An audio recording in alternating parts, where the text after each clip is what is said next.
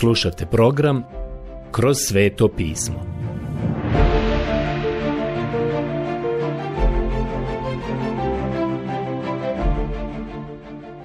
Knjiga Postanak. Odlomak Postanak poglavlje 39.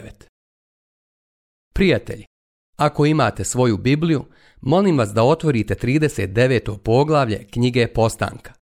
Sada se vraćamo na priču o Josipu. Zadnji put smo vidjeli Josipa u 37. poglavlju. On je bio prodan u zemlju Egipat. Bio je prodan Potifaru, faraonovom službeniku i zapovjedniku njegove straže. Ovo je prilično turobna perspektiva za jednog 17-godišnjeg momčića koji se u tom trenutku nalazi daleko u stranoj zemlji i prodanog u robstvo. I sigurno ne postoji ništa na vidiku što bi uopšte moglo ohrabriti njegovo srce a čini se i da je ovaj dječak manje više baksuzan dječak. Primijetit ćete da kada je došao u egipatsku zemlju, baš kada bi se činilo da se sa njim sve odvija glatko i lijepo, tada bi se uvijek nešto dogodilo. Ali to se sve događalo sa svrhom. Josipu je to bilo teško da vidi. Bog mu se uopšte nije ukazao. On je sada jedini patrijarh kojem se Bog nije ukazao. A ipak ne postoji osoba u starom zavjetu u čijem se životu Božja namjera jasnije vidi nego kod Josipa. Božja providnost se očituje u svakom detalju života ovog čovjeka. Božja je ruka bila nad njim i bilo je očigledno gospodnje vodstvo, ali Josip je taj kome se Bog nije direktno ukazao. Bog se ukazao Abrahamu, ukazao se Izaku i Jakovu, ali ne i Josipu. Vidimo međutim Božje vodstvo u njegovom životu jasnije nego kod bilo kog drugog. On je starozavjetni primjer koji se spominje u poslanici Rimljanima 8.28. Znamo doista da se onima koji ljube Boga sve okreće na dobro, onima koji su pozvani po njegovu naumu. Sam Josip je to izrazio prilično živopisnim jezikom. Kada dođete do zadnjeg poglavlja knjige Postanka, saznaćete da su braća nakon smrti svoga oca osjećala da bi se Josip možda mogao okomiti na njih i došli su k njemu tražiti oproštenje i milost, a on im je rekao da im ništa ne zamjera. On im je rekao, što se vas tiče, vi ste mislili zlo protiv mene, ali Bog je to preokrenuo na dobro, da se ostvari ovo danas, da se mnogo ljudi spasi i održi u životu. Sve što se događalo u Josipovom životu u to vrijeme Naravno, gledajući s polja, sve to izgledalo mračno. Izgledalo je kao da je strašno, ali sve su to bili koraci koji su ga doveli do ostvarenja Božjeg nauma u njegovom životu.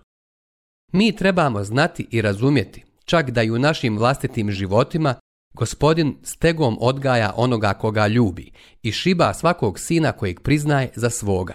Hebrejima 12.6 Bog neće dopustiti da se nešto dogodi njegovom djetetu osim ako on sam ne dopusti, a to se odnosi i na ono što je loše. Sjećate se da kada je Sotona želio nauditi Jobu, morao prije toga reći Bogu sljedeće. Postoji zaštitna ograda oko Joba.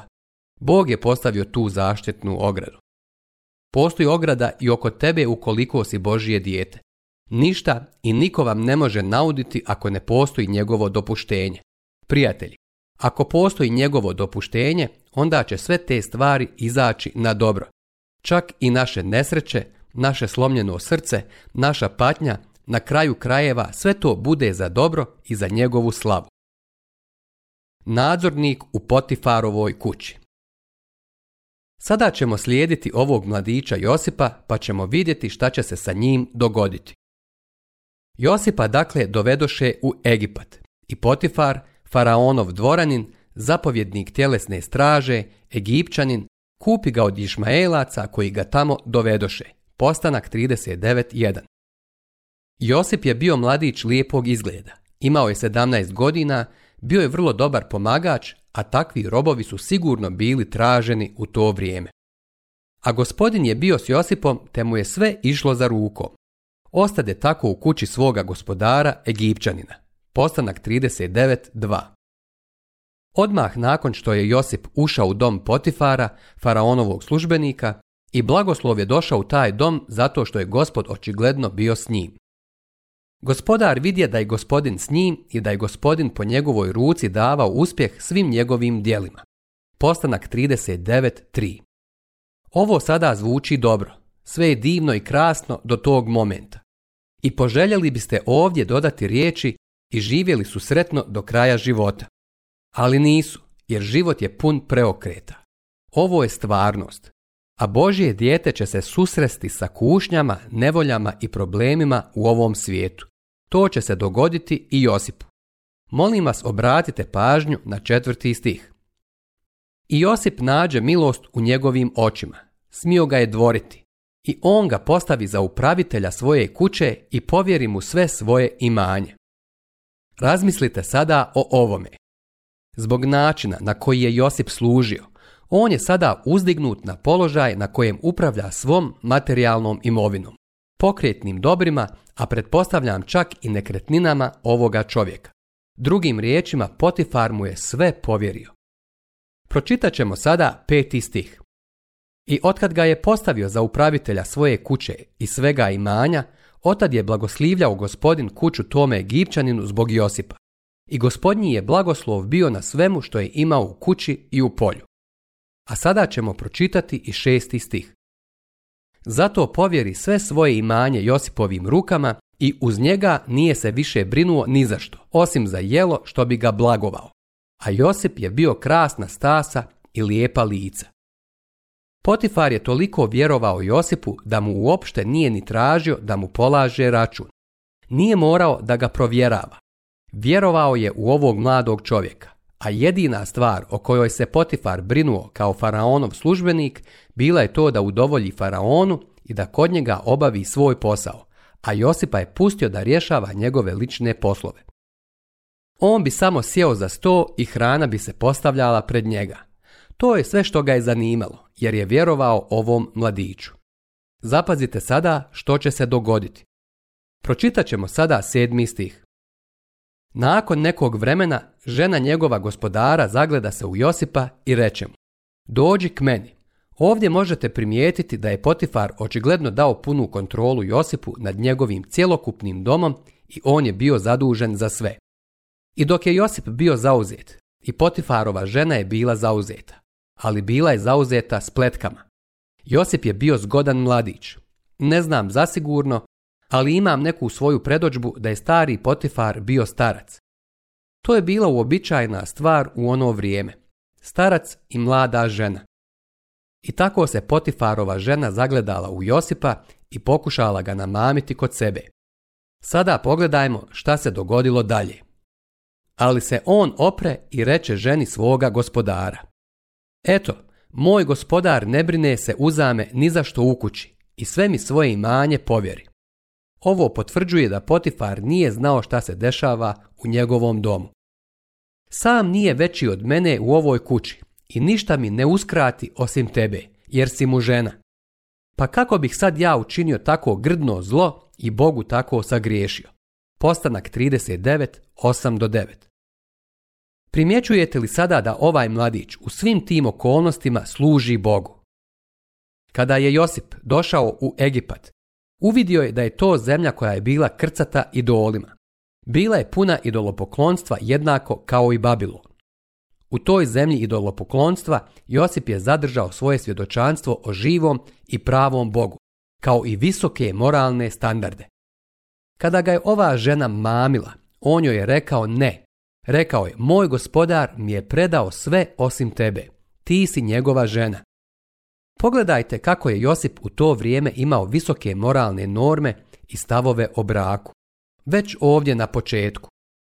Vidite, Bog je dao instituciju braka ljudima. To je nešto što je dano cjelokupnom čovječanstvu. Prijatelj, kada čovjek počne prezirati bračni zavjet, on počinje prezirati i samog Boga a čovjek koji tako nešto učini prekršit će generalno i svaki drugi zavjet koji je dao Bogu. U mojoj službi uvijek mi je bilo interesantno i to sam zapažao. Da će se ona osoba koja se razvodi jer je bila nevjerna, da će se ta osoba uglavnom udaljiti od Boga što dalje može. I vidio sam da se takve stvari događaju iznova i iznova. Josip ovdje sada pokušava biti vjeran Bogu, a i ima visoke moralne vrijednosti. Sada pogledajmo šta će se dogoditi zbog činjenice da on pokušava služiti živom i istinitom Bogu. I premda je ona dan za danom navaljivala na Josipa, on je ne posluša i ne pođe k njoj i ne sagriješi s njom. Postanak 39.10 Vidimo da je ovaj čovjek Potifar, kao faraonov službenik, često bio odsutan iz svoga doma. Pretpostavljam da je možda bio daleko od kuće. Njegova žena nije iskušavala Josipa samo jednom, već iznova i iznova. To mu je bilo stalno iskušenje, ali ovaj mladić Josip nije pokleknuo. Možete zamisliti kako sada iz nje izviru i kipe ljutnja i bijes prema Josipu. U paklu nema takvog bijesa kao što ga ima prezrena žena. I vjerujte mi, ona će se osvetiti Josipu. Pročitat ćemo sada od 11. do 14. stiha u 39. poglavlju knjige Postanka. A kad jednoga dana on dođe u kuću da napravi svoj posao, a nije bilo nikoga od ukućana unutra, uhvati ga ona za haljinu i reče, ugodi mi. A on pusti svoju haljinu u njezinoj ruci, pobježe i otrča van. Kad ona vidje da je ostavio haljinu u njezinoj ruci i pobjegao, viknu svojim ukućanima i reče im, Vidite, dovede nam hebrejca da šalu zbija s nama. On uđe k meni da me navede na zlo, a ja glasno povikah. Postanak 3911 do 14. Stvari nisu bile baš tako dobre između Potifara i njegove žene. Primijetite kako ona govori o njemu na tako zao, podrugljiv i ponižavajući način. Ona kaže, vidite, dovede nam hebrejca da šalu zbija s nama. Potifarova supruga je vjerovatno već bila kriva za takve i slične stvari. Jedini čovjek koga mi je žao ovdje jeste Potifar. On je naivčina kakvu je teško pronaći, mada mislim da je on sve vrijeme nešto sumnjao, a njegova žena sada počinje prikrivati tragove. Ona kaže, vidite, dovede nam Hebrejca da šalu zbija s nama. On uđe k meni da me navede na zlo, a ja glasno povikah. Ovom momčiću u njegovim tinejdžerskim godinama, tamo dole u Egiptu, sada je smješteno na najpodliji način. A kad je on čuo da sam glasno povikala, ostavi svoju haljinu kod mene, pobježe i otrča van. Postanak 39.15. Potifarova žena ga je i dalje optuživala. I ona stavi njegovu haljinu zase dok njegov gospodar dođe kući. Postanak 39.16. Drugim riječima, njen suprug je bio odsutan od kuće. I tako je od svega toga napravila priču koju će mu ispričati kada se on vrati svojoj kući. A kada je stigao, njemu pripovijedi isto. Naime, rob hebrejski, koga si nam doveo, uđe k meni da se šali sa mnom. Ali kad ja povikah iza glasa, ostavi on svoju haljnu kod mene i pobježe van. I kad ču gospodar riječi svoje žene koja mu izgovori, tako mi učini tvoj sluga, tvoj rob, raznijevi se veoma. Postanak 39, do 19. Potifar je sada ipak povjerovao svojoj ženi. Taj čovjek Potifar. Ne znam tačno šta je bio, ali znamo da je bio visoki oficir u faraonovoj vojsci. Mora da je bio među starješinama. Pretpostavljam da je, kada je bio sa vojskom, vjerovatno bio prilično oštar ali izgleda da je bio veoma glup kao muž. On je jedna naivčina. On vjeruje ovoj ženi. Žao mi ga je jer je u braku sa ovom ženom. On nije radio loše stvari, a ja sam mišljenja da je njegova žena već mnogo puta bila nevjerna. Josip je trebao biti još jedan muškarac u njenom ljubavnom životu, ali jednostavno joj nije pošlo za rukom da to realizuje sa njim. Zato je smislila priču protiv ovog mladića. Protiv njega je sada bila podignuta optužnica. Gospodar uhvati Josipa i baci ga u tamnicu gdje su ležali kraljevi sužnji. I ležao je tamo u tamnici. Postanak 39.20 Čini se ovdje da ovaj mladić nema sreće, zar ne? Bio je miljenik svoga oca, nosio je šarenu haljinu raznih boja. Sljedeće čega se sjeća jeste da su mu njegova braća skinuli tu posebnu haljinu i spustili ga u jamu. Sljedeće što je čuo je bilo kako su se raspravljali sa trgovcima i šmaelcima koji su bili na putu u Egipat. Zatim je ovaj 17-godišnji dječak bio prodan u Egipat. Ja mislim da je on na putu prema Egiptu i nakon što je stigao tamo, proveo mnoge noći grcajući u suzama i sigurno je bio nostalgičan za svojim domom. Josip se snašao na svom novom položaju. Bio je uzdignut na visoku poziciju jer je bio sposoban mladić lijepog izgleda. Međutim, Potifarova žena je željela da ga namami da vode ljubav i da počini grijeh. Ali Josip je imao visok moralni standard, što se da primijetiti. I on nije popustio. Potifarova žena mu je smjestila zbog toga što ju je odbio i ovaj jadni dječak nije imao šanse. Uostalom, možete vidjeti u kakvom je položaju bio Josip. On je bio rob. Iako je uzdignut, još uvijek je bio rob. A sa druge strane imamo Potifarovu ženu, ona je poput Cezarove žene. Ne govorite ništa o njoj ili protiv nje. Njena bi riječ bila prihvaćena. Nadam se da sada možete dobro razumjeti jadnog Josipa. Nije trebao ni otvoriti usta. Bio je kriv i prije nego što je uopšte uspio bilo šta da kaže. On se brzo i po kratkom postupku našao u zatvoru i bio je stavljen u zatvor gdje su bili zatvoreni oni koji su bili faraonovi zarobljenici. Sada ćemo pročitati od 21. do 23. stiha. Ali je gospodin bio s Josipom i pridobi mu srca. Osobito mu svrati tamničarovu milost, i povjeri tamničar Josipu sve sužnje što su bili u tamnici. Sve što bi se tamo činilo, činilo bi se po njegovoj zapovjedi. Tamničar se nije više trebao brinuti ni za što što mu je bio povjerio, jer je gospodin bio s njim i gospodin je davao uspjeh svemu što bi poduzeo. Postanak 39, 21, Sada je već Božja ruka sigurno bila očigledna i vidljiva u životu ovog čovjeka ali nasuprot tome su bile i strašne stvari koje su mu se dogodile. On se sada našao u zatvoru.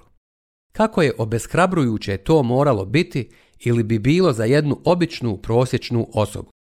Ali zanimljivo je to što nam je rečeno da je gospod bio sa Josipom. Nije mu se ukazao kao drugim patrijarcima, ali on mu je iskazao milost i gle gle. Josip je ponovo našao milost kod čuvara zatvora. Sada mislim da je Josip prirodno bio vrlo privlačan mladić i čovjek golemih sposobnosti. Mislim da je bez ikakve sumnje on bio čovjek izvanrednih sposobnosti. Ali ono što je važno jeste da bi sve to bilo ništavno da Bog nije bio sa njim. Bog je bio sa tim mladićem i Bog ga je vodio. Sve je to vodilo ka konačnom ostvarenju svrhe u životu ovog mladog čovjeka. Josip je to prepoznao i kada je to prepoznao, to mu je dalo polet, elan i stav optimizma.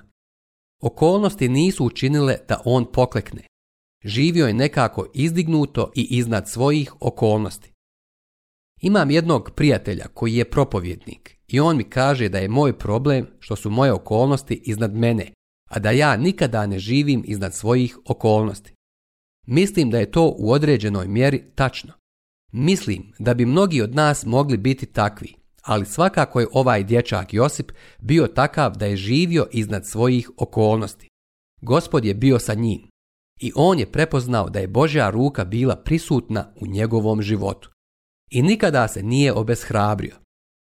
Sigurno znate da kažu da je obeshrabrenje jedno od najboljih oružja koje Sotona posjeduje. Obeshrabrenje i razočarenje. Ali čini se da je ovaj mladić Josip prebrodio sve svoje okolnosti. I ovdje vidimo da je gospodnje kažnjavanje u to vrijeme bilo veoma teško, ali će uroditi miroljubivim plodom pravednosti u životu ovog momčića. Radi se o tome da nam priča o Josipu otkriva da nema svaki čovjek svoju cijenu po kojoj se može kupiti.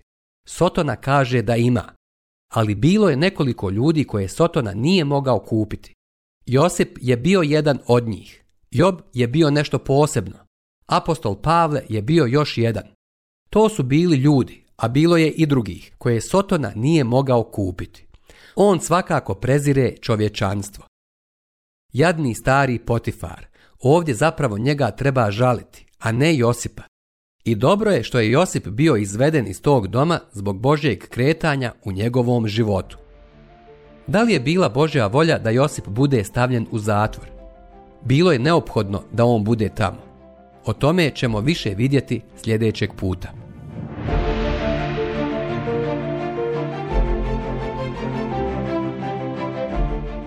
Slušali ste emisiju Kroz sveto pismo. Možete nas slušati i na našem YouTube kanalu putem mobilne aplikacije te na svim glavnim podcast platformama kao što su Google, Apple i Spotify. Ako vam se naši programi dopadaju, preporučite ih i podijelite s drugima budite slobodni da ostavite svoj komentar ili nam pišite na našu e-mail adresu kroz sveto at gmail.com Zapratite našu stranicu kroz sveto pismo BiH na Facebooku i na Instagramu.